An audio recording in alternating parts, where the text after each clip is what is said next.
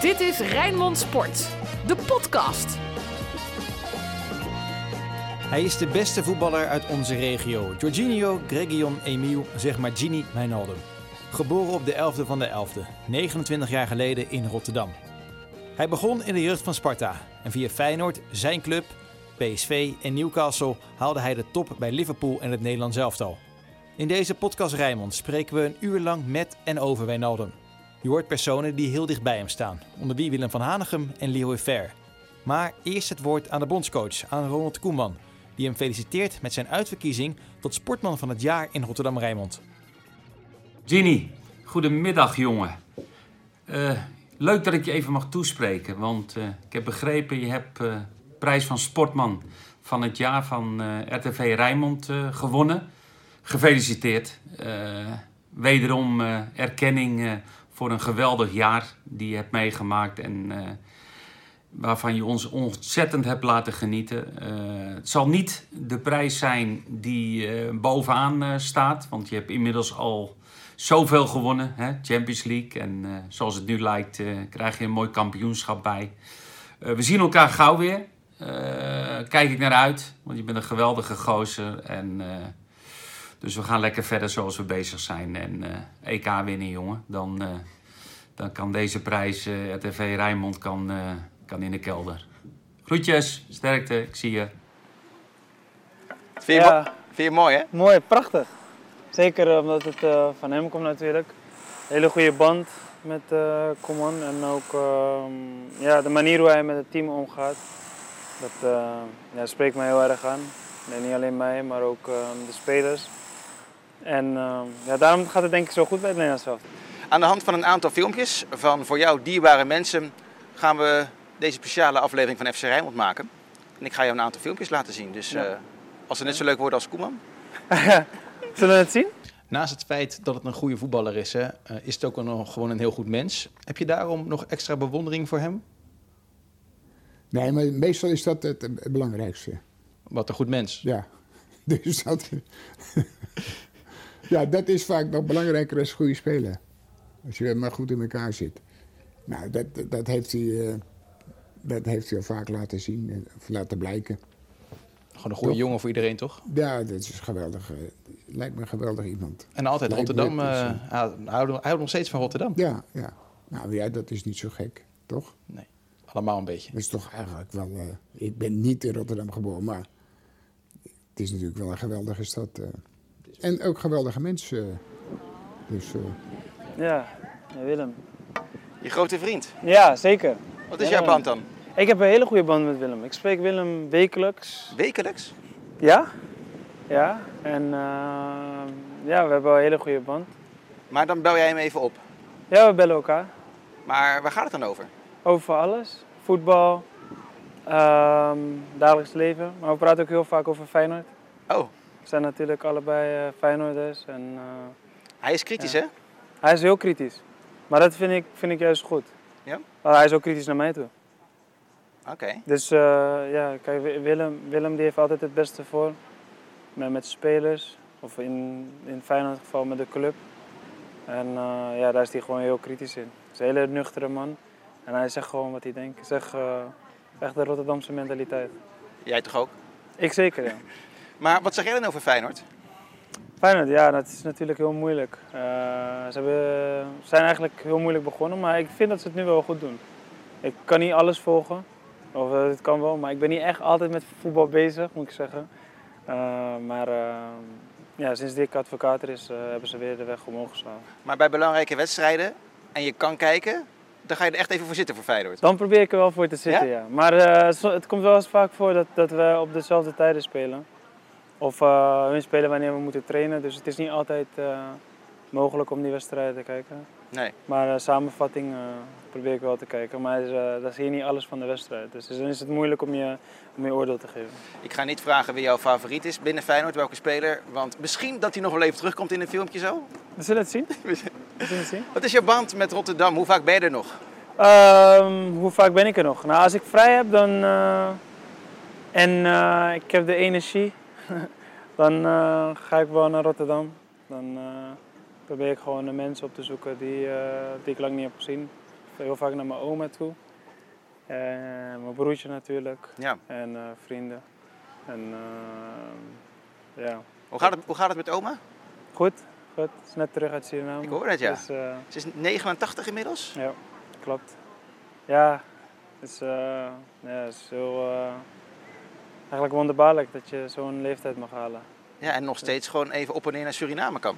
Ja, en ook eh, naar Engeland, moet ik zeggen. Dus eh, ja, ik ben eigenlijk gezegend dat, ze dat, nog, eh, dat ik dit nog kan meemaken. Zeg maar. Ja, nou ja, er zijn weinig jongens van jouw leeftijd die zo'n goede band hebben met een oma op die leeftijd. Ja, precies. Ik moet eerlijk zeggen, de band met mijn oma die, ehm, die, die was altijd al heel sterk geweest sinds ik klein ben. En hij is eigenlijk alleen maar sterker geworden met de jaren, met de jaren eigenlijk. En ehm, ja, als ik bij mijn oma kom, vertelt ze altijd weer verhalen over hoe het vroeger bij haar ging. En ook gewoon over het dagelijks leven, hoe het met me gaat. En Ja. vraag hoe het met haar gaat natuurlijk. En eh, ja, het is gewoon eh, een heel mooi gevoel als je met elkaar kan zijn. Noem je haar nog steeds Ma? Nog steeds, iedereen. Iedereen in de familie. Ik denk dat we dat gewoon hebben overgenomen van eh, onze moeders en eh, vaders. Omdat eh, zij is natuurlijk de moeder van, eh, van mijn moeder. En mijn moeder zei altijd ma. En dat heb ik gewoon overgenomen. En dat geldt voor al mijn neefjes en nichtjes. Dus, en ja, eigenlijk ook voor, voor buitenstaanders, die noemen haar gewoon ma. Ja. Dus ja, dat is eigenlijk gewoon haar naam. ja. Heel veel mensen weten dat jij een hele goede band hebt met je oma. Maar waar weinig mensen weten dat jij bijna bent opgegroeid in Amsterdam. Dat weinig gescheeld. Ja, dat zou, ik, ja, dat zou wel gebeuren, ja. Als, ik, eh, als mijn oma niet had eh, eigenlijk ingestemd met eh, dat ik in Rotterdam kon blijven, dan, dan had ik in Amsterdam gewoond. Ja, in- Mijn broertje heeft er wel even gewoond, omdat mijn moeder die woonde in Rotterdam. Woonde bij mijn moeder en zij ging toen verhuizen en vertelde me dat, ze, dat we zouden verhuizen naar Amsterdam. Maar omdat, omdat ik, ja, ik was eigenlijk elke dag met mijn oma. Mijn moeder ging werken natuurlijk. En eh, na school eh, ging eigenlijk iedereen naar mijn oma toe. Ja. Want eh, mijn tantes, iedereen ging werken. En dan alle kinderen die uit school kwamen, die gingen naar mijn oma toe. Want mijn oma was altijd thuis. En dan ja, was heel leuk. Altijd een druk huis bij mijn oma mijn neefjes en nichtjes. Dus de familie was toen de tijd heel close. Nou ja, dat wou ik, niet, dat wou ik toen de tijd niet achterlaten. Dus toen heb ik aan mijn oma gevraagd, zonder dat mijn moeder het wist, als ik bij haar mocht blijven wonen. En toen heeft mijn oma gezegd dat het goed is. En die heeft het daarna met mijn moeder geregeld. Mijn moeder eh, vond het in eerste instantie geen goed idee. Maar mijn oma heeft het eh, er doorheen gedrukt. En eh, Ja. toen mocht ik blijven. Ja. in Schiemond, hè? Ja. Dat is een beetje jouw wijk. Ja. Weet jij nog jaren geleden dat jij en ik en ook met je broertje door Schiemond liepen? Ja, ja, dat weet ik nog. Ja, gingen we langs de pleintjes en waar, ik, waar mijn oma woonde, Ja. straat en alles. Weet je wat ik heel grappig toen vond? Dat weet je denk ik niet meer. Maar je had net een nieuwe auto van Feyenoord gekregen. Een Toyota Aygo of Yaris. Een heel ja, kleintje. Auris, Auris. Ja. Was het een Toyota Auris? Nou, het was een klein autootje. Dat is een klein autootje, ja.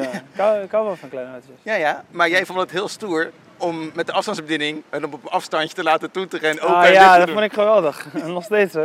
Ik heb die toeter nu wel, ik heb de toeter wel uitgezet nu. Mijn auto die ik nu heb, maar... Dat is eh, geen klein autootje meer, denk ik. Nee, nee, dat niet. Maar eh, ik, te- tot een eh, paar jaar geleden huurde ik altijd een Citroën C1. Echt waar? eh, ja, als ik naar Rotterdam kom. Dat is lekker eh, Lekker compact. compact. Ja. Maar eh, iemand heeft de aanrijding gemaakt met die auto, dus die is toen weg. Kon Maar jij huren. huurde een auto, een Citroën. Ja, toen de tijd. Ja. Maar dat kon niet meer, wat ik net uitleg. Iemand heeft een aanrijding meegemaakt, dus eh, De- auto ging naar de sloop. Helemaal genoeg. Weet je nog wat je vroeger wilde worden? Voordat je voetbalde pff, ik wou iets met acrobaat doen. Ja? Ja, klopt. Dat las ik, ja. Ja.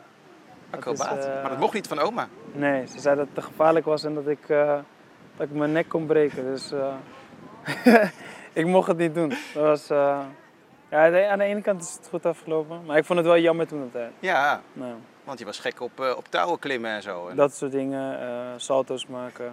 En eh, ja, dat vond ik geweldig. Alleen, ja, eh, mijn oma die wou het niet. Dus, eh, Nee, en dan heb je niks te zeggen. nee, zeker niet als je thuis woont. Toen ging je lekker voetballen bij Sparta. Ja. Al vanaf de F'jes. ja, open dag ehm, gedaan en toen eh, ja, werd ik aangenomen. Ja. Wat weet je daar nog van uit je Sparta-tijd? Ik weet nog dat ik, dat was volgens mij in 1996, ik weet nog dat het de open dag was. Waar eh, waren zoveel kinderen dat, we, dat Sparta zoveel hesjes tekort had toen de tijd. En dat het toch wel bijzonder was dat ik van al die kinderen toch ben uitgekozen. Mhm. Terwijl eh, voetbal vond ik leuk, maar dat was meer omdat mijn familie is echt voetbalgek. En eh, mijn vrienden op school en eh, in de wijk voetbalden. Dus ja, ik deed eigenlijk maar mee. Maar het was niet echt ehm, iets waar ik dacht van... eh, dit is echt het eerste wat ik wilde. Dus dat, ik, dat ik werd gekozen was, was wel bijzonder. Was, eh, ik denk dat er meerdere kinderen waren die echt gekozen wouden worden. Ja, En, echt, hun- en echt meer hun best deden om gekozen te worden. Ik deed het gewoon omdat ik het leuk vond. En, eh, en ja, ik had mijn oma een belofte gemaakt dat ik eh profvoetballer zou worden. Dus, ja. Ja, je hebt gezegd van later ga ik voor u zorgen. Ja, als profvoetballer. Ja. Maar ik heb gemerkt dat het niet eens hoeft. Zij heeft geen verzorging nodig, zo'n sterke vrouw. Ze vonden het bij... Sorry ja? Sorry? Nee, eh, ze, ze vonden het bij Sparta. Vonden ze het niet zo leuk dat je helemaal gek was van Feyenoord? Nee, en ik, maar ik moet je eerlijk zeggen, ik durfde het ook niet altijd te zeggen toen ik klein was. Dat was- Feyenoord was echt zeg maar taboe bij Sparta. Dus vanaf de F'jes tot de, tot de C, zeg maar.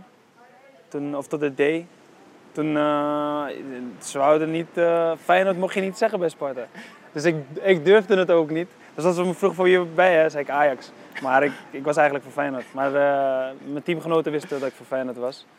Maar eh, de Sparta die, die kon dat niet accepteren. Nee, die, die wou het niet weten. Nee, want jij bent ooit naar de open dag gegaan van Feyenoord. Ja, En toen raakte je verkocht. ja met eh, Jeffrey Bruma en zijn zus. Die, Jeffrey Bruma en zijn zus die nam ons mee naar de open dag van Feyenoord. En ja, daar is het eigenlijk alleen maar sterker geworden. Want ik was daarvoor al Feyenoord-fan.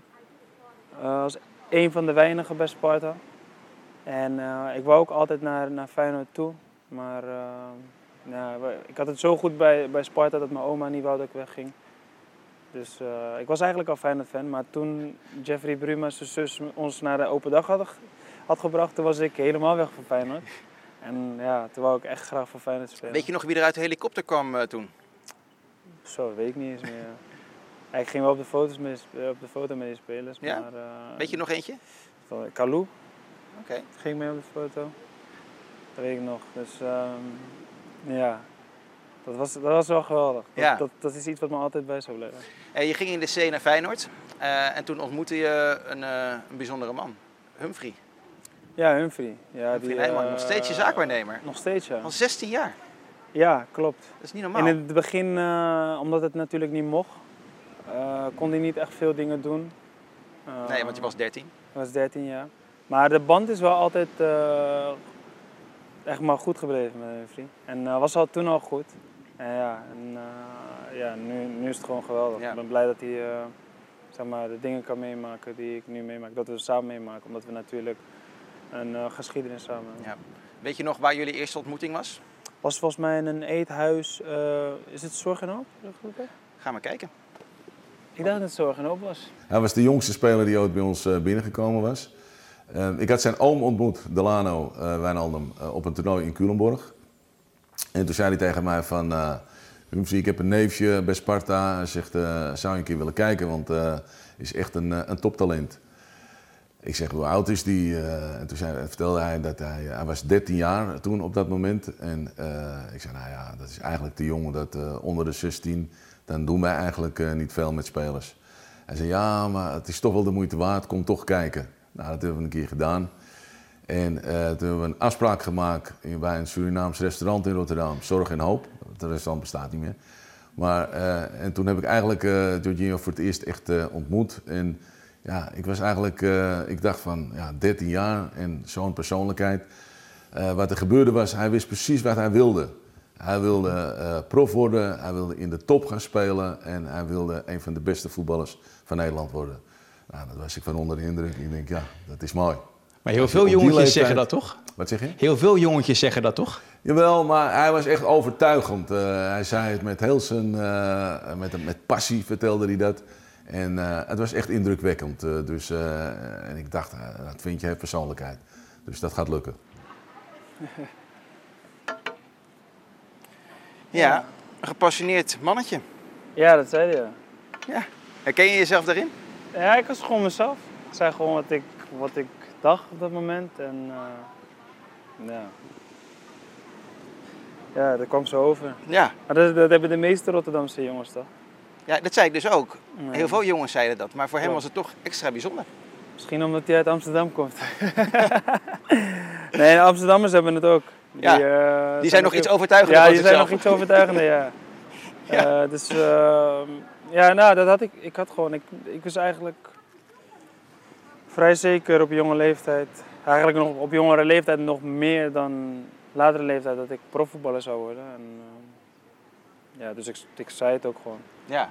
En wanneer dacht je van, ja, ik kan een van de beste van Nederland worden? Ik kan, hè? Toen al eigenlijk. Toen je 13 was? Ja, nou, ja, toen al. Eigenlijk toen ik jonger was al. Eh, op pleintjes en alle, alles. Eh, Toen speelde, je, toen speelde je de grote gasten voorbij.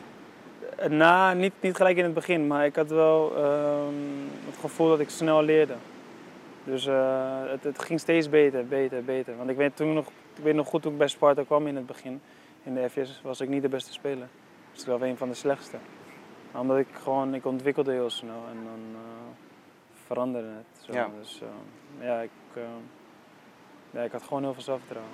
Eh, en jouw doel werd uiteindelijk, jouw eerste doel, om de jongste debutant ooit te worden in Feyenoord 1. Klopt, dat was mijn doel. Omdat, eh, kijk, ehm, voor heel veel Surinamers en ook voor mij persoonlijk was Clarence Seedorf is echt een held.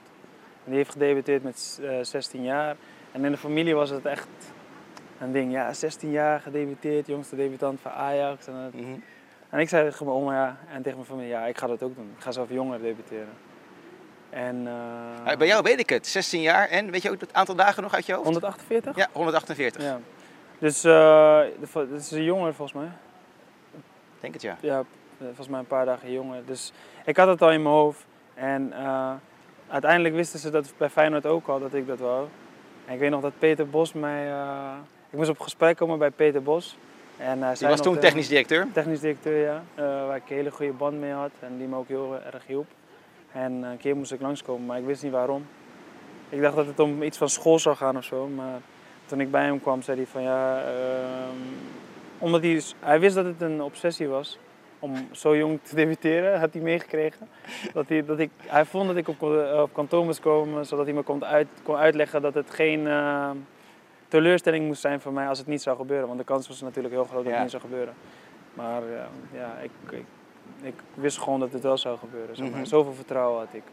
En eh, uiteindelijk had ik in eh Erwin Koeman ook gelukkig een trainer die het aandurfde en die heel veel vertrouwen in me had. En eh, ja, die, die het me ook gunde. Wat ik zag was een, een heel leuk mannetje. Heel jeugdig, maar heel veel plezier in hetgeen waar hij mee bezig was. Dat was, dat was echt eh, heel leuk om te zien. eh. En hij kan natuurlijk heus wel aardig voetballen. Zag je dat toen ook al? Dus de- nou, dan, dan moet wel kippen geweest zijn als dat niet zo was geweest. Als je dat niet had gezien. Waar moet je nou om lachen? Ja, het is dat, eh, wat die zeggen, of zag je dat toen al?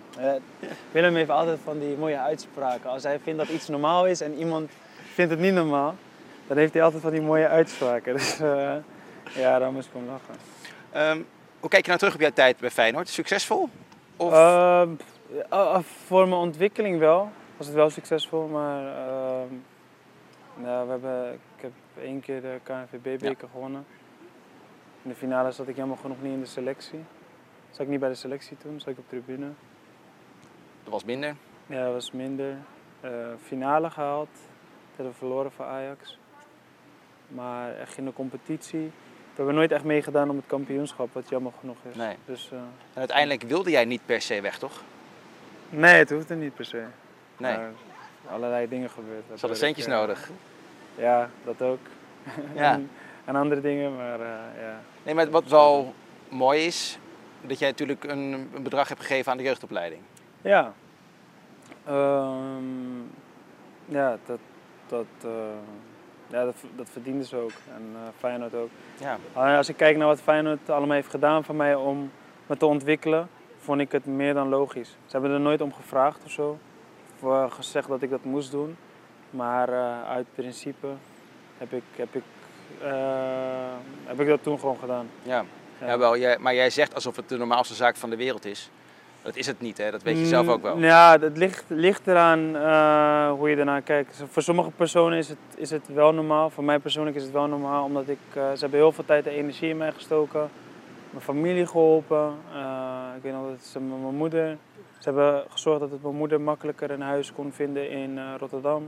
Die waren naar Rotterdam, maar het is niet, was niet altijd even makkelijk om een huis te vinden. Nu ook niet trouwens. Dus eh, ze hebben wel alles eraan gedaan zodat ik eh, optimaal kon presteren. En eh, ik weet nog dat met Verbeek, Ver- Verbeek wist hoe belangrijk mijn oma voor me was. Die heeft gezorgd dat mijn oma bijvoorbeeld elke wedstrijd werd opgehaald. En normaal krijg je longe, longekaarten. Ja, ja. Maar mijn oma die zat in een box. Dus ja, zulke dingen die, die regelde Feyenoord. In, in dit geval was het Gertjan Verbeek. Dus ja, voor mij was het vrij normaal om dat te doen. Ja. Toen ging je naar, eh, naar PSV, heb je succes gekend, eh, ook mooie vriendschappen opgebouwd Ja. hè, met, met Memphis en Jetro Willems. Dat Ja. zijn volgens mij je grootste PSV-maatjes. Ja, klopt. Ja, Ja. Zijn, eh, Memphis en Jetro zie ik gewoon als familie. Ja? Ja, zeker. Zijn, die spreek ik nog dagelijks. En ja, dat, dat, dat, is, dat is meer dan vrienden. Dat is gewoon familie voor mij nu. Je bent een druk man als je iedereen zoveel belt. Willem, Jetro, Memphis. Ja, het is, eh, je zoekt gewoon je momenten. En Ja. soms bellen hun, soms bel jij. En dan praat Ja. je gewoon. Tegen- Tegenwoordig heb je WhatsApp, maakt het ook wat makkelijker. Soms stuur je gewoon een berichtje.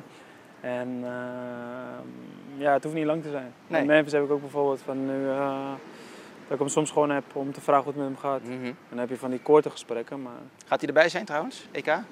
Eh, ik, heb een, ik heb een sterk gevoel van wel. Maar het moet altijd nog blijken. Ehm, in die tijd bij PSV, toen schreef Willem van Hanegem ook een column eh, over jou toen je Ja. niet zo lekker in je vel zat. Klopt. Ik hoorde zelfs dat je misschien zelfs bijna wilde stoppen met voetbal, zei Humphrey. Ja, ik had, ik had het echt niet naar mijn zin. Dat was echt. eh, ehm, dat was een moment in mijn carrière dat ik dacht van, eh, ja, waarvoor doe ik dit eigenlijk? Als je geen plezier meer hebt, eh, dan ga je je afvragen, wil, wil je dit nog wel en zo. Maar het is nooit echt zo ver gekomen dat ik wou stoppen. Het is, Nee. Ik moet wel zeggen, ik heb er wel over nagedacht. Maar ik dacht ook van, wat ga ik doen als ik, als ik werkelijk stop? Dus ik, eh, ik had eigenlijk geen plan B. Ik was wel geslaagd op school, ik had wel mijn diploma gehaald en zo. Ja, maar je was goed in eh, wiskunde en economie. Wiskunde en economie. Maar dat was niet mijn, eh Nee. mijn roeping. Nee, want je vond het niet leuk dat je daar meer rechts buiten stond en je wilde op het Klopt, middenveld. Ja, ja, klopt. En Willem En, zag dat? Willem die zag dat ja. Maar Willem was jammer genoeg geen trainer. ja, Willem die zag dat. En eh, zo is onze eh, band eigenlijk ontstaan. Hij had eh, het stukje geschreven in het AD, als het goed is. Ja. En ehm, ik dacht, Willem schrijft precies wat ik voel. Mhm. En ik, wou, ik wou van Willem weten hoe hij er tegenaan keek en waarom hij dat schreef. En toen heb ik eigenlijk via Guido Vader heb ik ehm nummer van Willem gevraagd. Ik had eerst met mijn zaakwaarnemer of met Humphrey besproken. Vind je het goed als ik Willem bel? Wat vind jij ervan? En hij vond het juist geweldig. Hij vindt sowieso dat je zulke dingen moet doen omdat hun, mensen zoals Willem van Aardigem, eh, Wim Jansen, eh, die hebben, eh, hebben een andere kijk op voetbal. En heel veel mensen snappen, snappen het niet. Mhm. Maar als ze het uitleggen, dan heb je echt, krijg je daar toch wel echt respect voor. En dan hun kunnen makkelijk uitleggen wat ze bedoelen met, met, eh, hoe hun voetbal zien. Dus ik ben toen eh, ja, eigenlijk gaan zoeken naar het nummer van Willem. En ik heb toen aan Guido Vader gevraagd, eh, nummer van Willem. En ja, toen ik heb zijn nummer gekregen, hebben we gebeld. En, Willem en, en ik, we hebben nooit gesprekken die korter zijn dan een uur. We zitten altijd uren aan de telefoon. Soms zitten we zelf in de auto of een van ons zit in de auto. En dan komen we bijvoorbeeld thuis aan en dan zitten we nog lang in de auto voordat we naar boven gaan. Omdat als je dan in een lift komt of wat dan ook, of je stapt uit dat de verbinding weggaat. Dus eh, we praten altijd nog lang door. Ja. En dat was de eerste keer ook zo. Ik, ik, ik heb misschien Ja, maar 2,5 best-. Het is best bijzonder, eh, want als er kritiek wordt geuit op een, eh, op een speler, denken heel veel spelers, joh, F it. Ja, tuurlijk. En, ja, kijk, weet je, ehm, kritiek, ik, door de jaren heen bekijk ik het eigenlijk zo. Het, ehm, ja, niemand heeft eigenlijk ongelijk in, in zijn mening de- delen. Ehm, de ene vindt, als je een goede wedstrijd hebt gespeeld, vindt de ene dat het niet goed is. Maar dat is dan degene zijn mening. Dus uh, dat, dat hoeft ook niet fout te zijn. Dus ik laat iedereen een, een, een beetje in zijn waarde daarmee. En, uh, maar bij Willem had ik echt, we deelden eigenlijk hetzelfde gevoel. Ik ben ook heel kritisch op, me, op mezelf. En uh, ja, ik wou ook aan Willem vragen waarom hij dat uh, geschreven heeft en waarom hij het zo bekeek. Ja. Dus ja, dat heeft hij me uitgelegd. En ja, dat, ik, ik, ik kon me daar wel in vinden. En toen kreeg je uiteindelijk het plezier weer? Ja, ook, ook mede dankzij Willem ja, ik heb toen heel veel contact met Willem gehad, dat dagelijks contact. En ja, dat, toen heb ik uh, het plezier gehad. Maar ook, ook door uh, Wim Jansen heb ik ook toen mee gesproken. Oké, mooi. En ja, heb ik ook weer het plezier teruggevonden. Je bent nu bijna vijf jaar in Engeland. Ja. Ben je gelukkig? Hoe is het leven? Heel gelukkig. Um, ik ben ook zo, moet ik zeggen, geïntegreerd ja. in Engeland dat ik als ik in Nederland ben, dat ik toch weer dat ik vaak het gevoel heb van, nou, ik wil weer terug naar huis. Echt waar? ja. Het begon eigenlijk al bij Newcastle. Bij Newcastle heb ik echt een schitterende tijd gehad. Een jaartje maar? Een jaartje. Uh, maar het, uh, ik, ik had het zo naar mijn zin, ook buiten het voetbal. Het werd me ook makkelijker gemaakt. Omdat Humphrey heel veel dingen al had geregeld. En ik had een uh, vriend leren kennen. Of een, een, jongen leren kennen die uiteindelijk mijn vriend geworden is via Tim Krul. En daar ben ik ja, die heeft me dagelijks geholpen met allerlei soorten dingen. Dus ik had eigenlijk één zorg en dat was gewoon zorgen dat ik goed ging voetballen. En mhm. alles wat daarnaast, dat was gewoon, ja, was eigenlijk alleen maar plezier. En daarom ging het ook zo goed, moet ik zeggen. Ja, je ging uh, dus één jaartje Newcastle. Ja. En toen ben je thuis geweest bij Pochettino, ja. eerst. Ja. En toen bij Jurgen Klopp. Klopt. Ja. Dan ben je een grote meneer. Als die mannen ze jou uitnodigen om naar huis te komen. Ja, ik, uh, ik weet niet. Ik weet niet hoe hun met spelers praten. Maar uh, ze zijn, uh, qua dat zijn ze best wel hetzelfde. Mm -hmm. Voordat ze een, een, speler echt willen halen, dan willen ze een gesprek voeren met de speler. Ze willen weten wat voor soort speler het is. Uh, kijk, dat, dat, dat, die voetballend, dat, ze, dat ze die speler voetballend al willen, dat is al bekend. Maar ze willen ook weten hoe ze als persoon zijn. En ja, voor hun is het team heel belangrijk. En past zo'n persoon in het team? Hebben ja. ze dezelfde gedachten qua voetbal? Willen ze wel spelen zoals ik wil en dat soort dingen. Dus um, ja, was, ja. Was, uh, waren hele goede gesprekken, hele mooie gesprekken. Dat zijn ook gesprekken die ik, uh, die ik heel speciaal vind uh, ja. in mijn carrière. Het gesprek met Pochettino was heel speciaal. Ook um, omdat het ook, en zijn ook gevoelsmensen. de band met de persoon is ook heel belangrijk voor hun en dat is ook persoonlijk voor mij. Ja. Dus we hebben hele mooie gesprekken gehad. En bij Klopp, ja, daar heb ik dagelijks nog gesprekken mee dat valt me heel goed. Maar waarom uiteindelijk Klopp? Nou, ik moet eerlijk zeggen, toen uh, Tottenham, die was, uh, nou Liverpool, die, die was als eerst concreet. Dat was het jaar daarvoor eigenlijk al, toen ik nog bij Newcastle speelde. Toen waren ze al concreet. maar um, gedurende mijn vakantie had ik niks meer van ze gehoord. En daarna, we hebben twee keer tegen Tottenham gespeeld, ging twee keer heel goed. En in mijn vakantie uh, ja, wou Pochettino met me praten. En toen uh, heb ik gesproken en ik was eigenlijk helemaal weg van de manier hoe hij wou spelen en uh, wat voor rol hij voor mij had. En uh, de manier van trainen en alles. En ook omdat ik zag dat spelers beter waren of beter mm -hmm. werden als ze met hem trainde of als hij ze hun een team kreeg. Ja. Dus um, ja, ik wil eigenlijk heel graag naar Tottenham. Alleen, um, ja, de clubs kwamen er niet uit. Wij kwamen er niet uit. Dus het was eigenlijk heel moeilijk om nog uh, daar naartoe te gaan. Terwijl Pochettino en ik heel graag met elkaar wilden werken. Dus dat was um, geen optie meer. Nee. En daarna... Uh, Toen werd het klop. Ja, drie weken in, in, de, in uh, de vakantie. Of na drie weken in de voorbereiding. Toen had Winfrey gezegd dat Klopp met me wou praten. Terwijl we daar, daarvoor had de Liverpool al gesproken met ons, of uh, kenbaar gemaakt dat ze geïnteresseerd waren, maar ik had nooit echt met de trainer gesproken. En mhm. toen werd, was het tijd dat ik met de trainer ging spreken. En ik weet nog dat uh, ik kwam aan bij Klopp thuis en hij, had een, hij heeft een hele grote hond.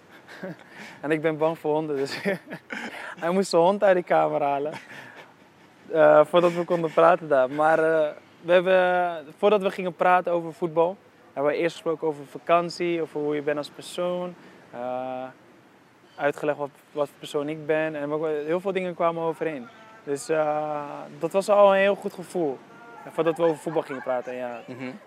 het stel van voetballen bij kloppen. Dat, eh, de manier hoe hij het ging uitleggen en alles. Want ik wist alleen ja, dat ze met heel veel energie speelden. Ja. Met het pressen. En dat Gegenpressing. Gegenpressen, wat de Duitsers zeggen. Ja, counterpress noemen wij het zelf in Engeland.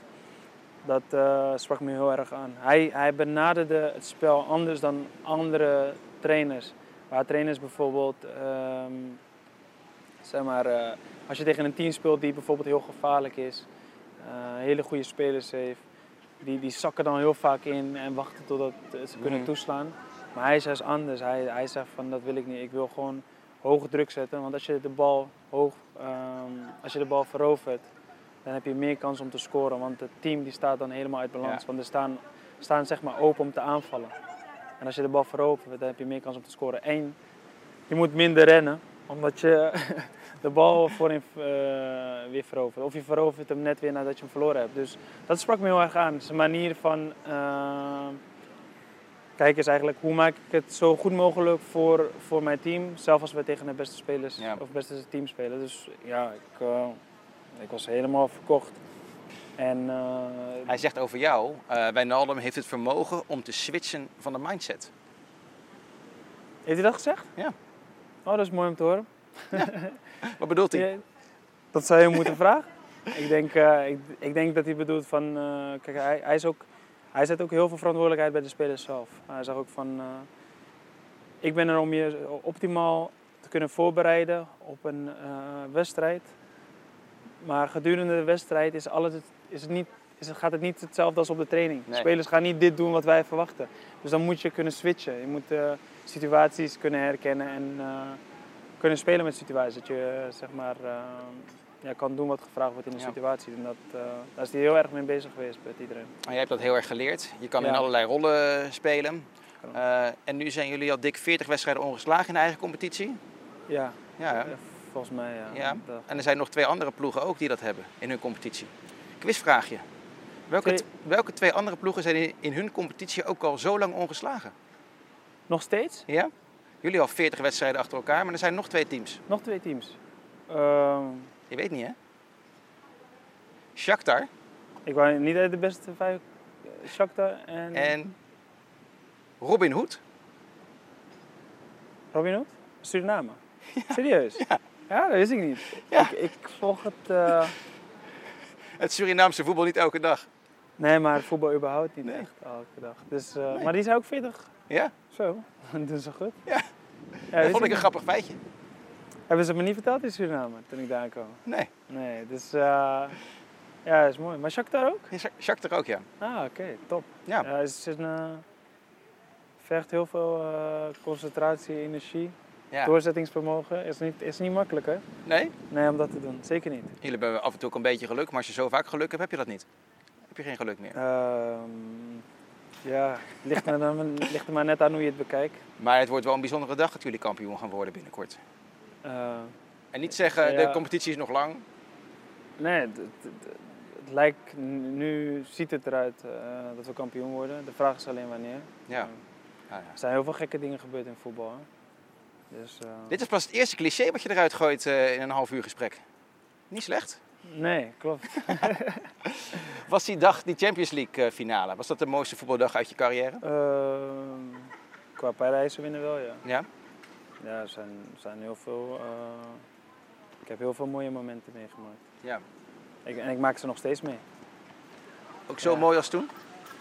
Ja, ik vind bijvoorbeeld voor de wedstrijd, we hebben, we hebben eh, best wel veel gelovige jongens in het team. En voor de wedstrijd dan eh, zitten we altijd op een kamer en dan bidden we samen voor, voor eh, de wedstrijd. Oh. En ehm, ja, eigenlijk over alles. Dat vind ik ook prachtig, dat vind ik ook mooi. Ja? Ja, zeker. Dus ik vind alle, allerlei dingen vind ik wel mooi. De Ja. trainingen. Maar het is bijzonder dat je met een groep jongens gaat bidden voor de wedstrijd. En dan, Ja. dan doe je het woord of zo, dus het gezamenlijk. Hoe gaat zo'n sessie? Ja, we komen gewoon bij elkaar. En dan, in, in het geval bij Liverpool praat ik dan. En dan bid ik gewoon voor, eh, ja, voor de wedstrijd en alles. Eh, Maar ook voor, voor dat we het mogen meemaken, dat we gezond zijn. En eigenlijk alle kleine dingen, dat die vrij normaal lijken voor ons. Maar eigenlijk, eh, ja, we zijn heel gezegend. Eigenlijk dat, dat, we, dat we dit mogen meemaken en dat we dit hebben. Dus eigenlijk probeer ik overal voor te bidden. Ja, maar best bijzonder, want er zitten allemaal jongens met een ander geloof in jullie team. Ik denk dat Salah heeft een ander geloof dan dat jij Nee. Salah zit er niet bij. Die Nee, is, die heeft een eh, ander geloof natuurlijk. Nee, maar we hebben hem wel gevraagd als die eh, komen. Maar eh, die, die bidt zelf. Ja. Maar het is ook mooi om te zien, want bij Nederlands elftal doen we het ook. En dan, en dan bidt Memphis voor ons.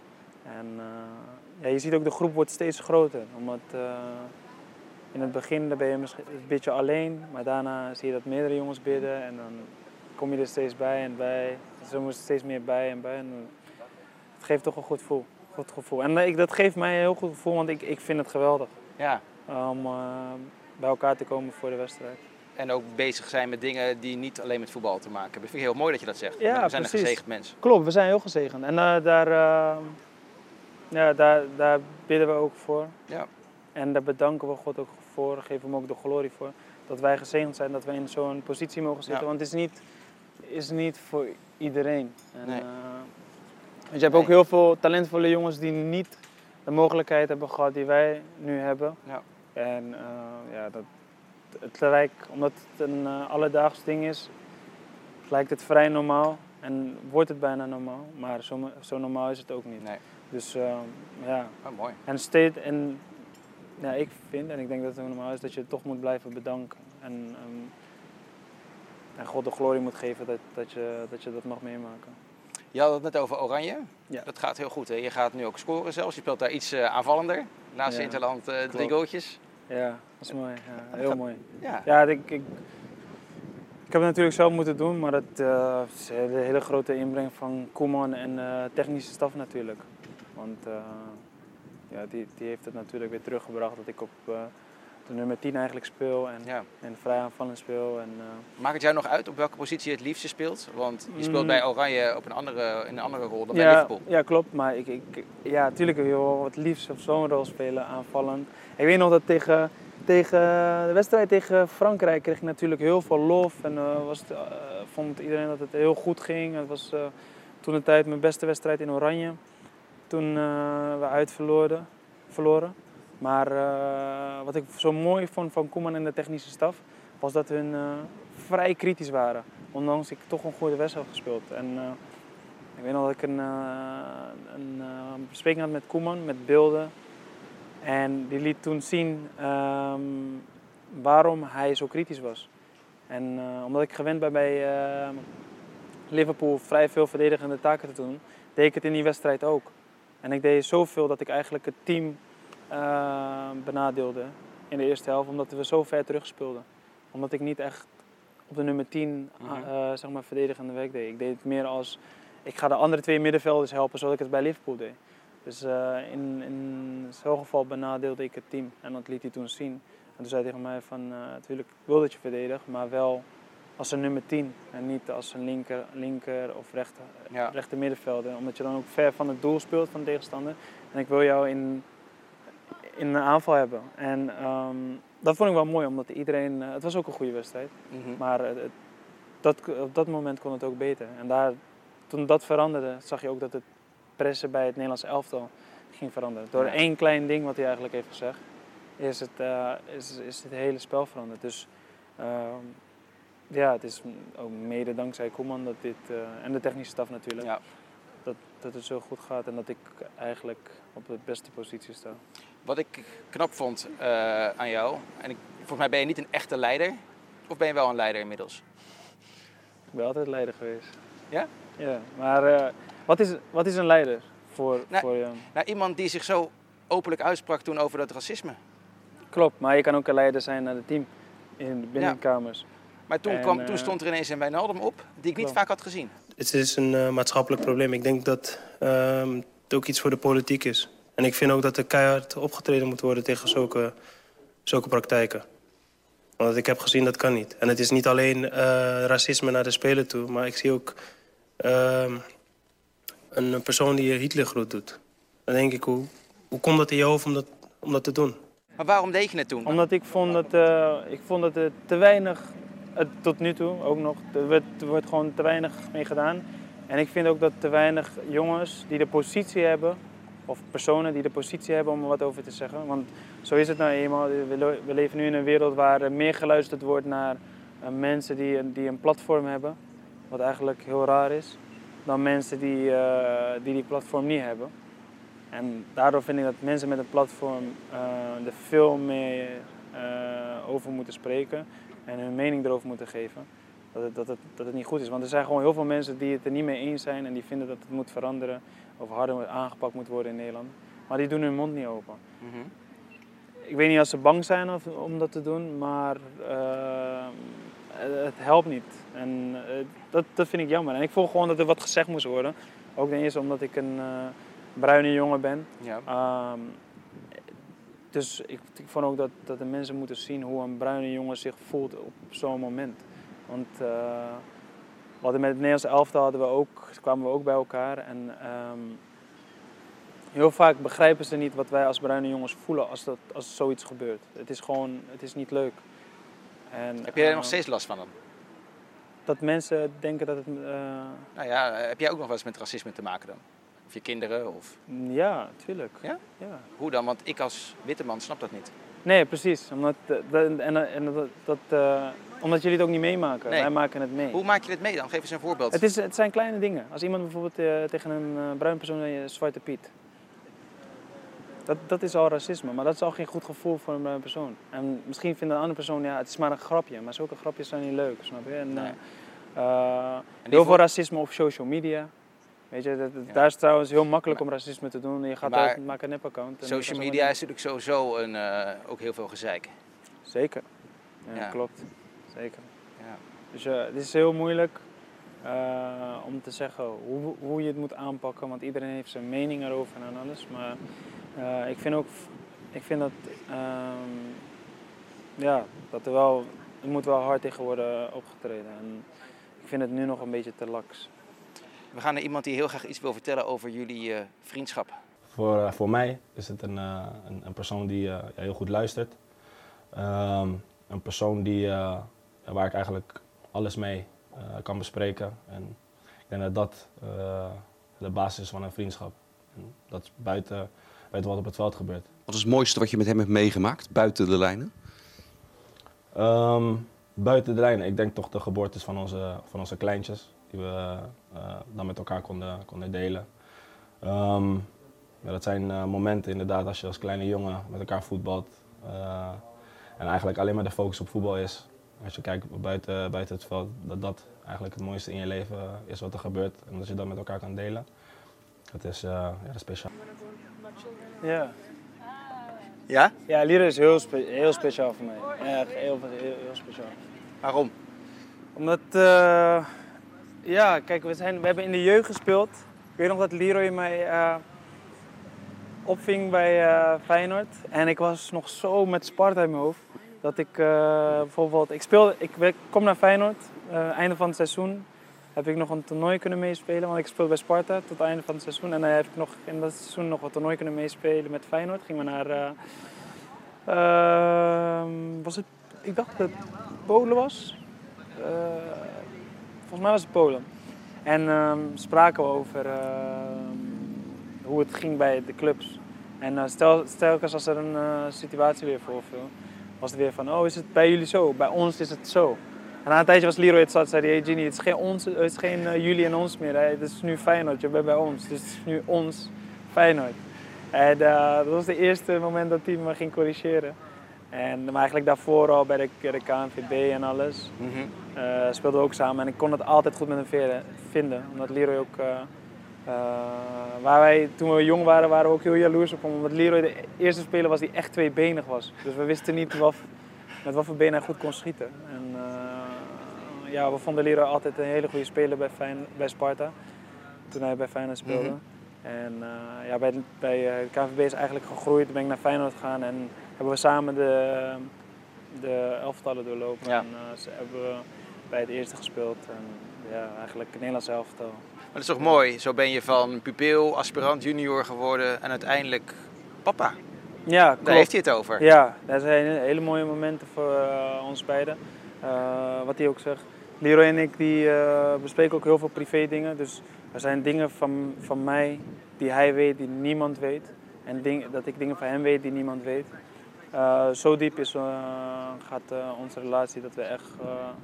ja, wat ik net zei, wat ik met Jetro en, en, en Memphis heb, heb ik ook met Leroy. Ja. Het gaat, gaat echt heel diep. Maar bijzonder toch dat je nu ook dingen als kinderen met elkaar kan delen. Ja, precies. Als we elkaar ook bellen en eh, die kinderen zijn er, dan, dan praten we ook weer echt met die kinderen en zo. We zijn eigenlijk gewoon, eh, ja, eigenlijk eh, ooms, oompjes Ja. van die kinderen. Dus ja, dat is wel mooi. We sturen ook filmpjes naar elkaar van die kinderen. En het is eigenlijk gewoon, we praten over van alles. Ja, je hebt er nu, jij hebt er drie hè? Drie, ja. Klopt. Ja. Zit er nog eentje aan te komen? Ja, klopt. Ja, hè? Komt er ook nog eentje aan. ja.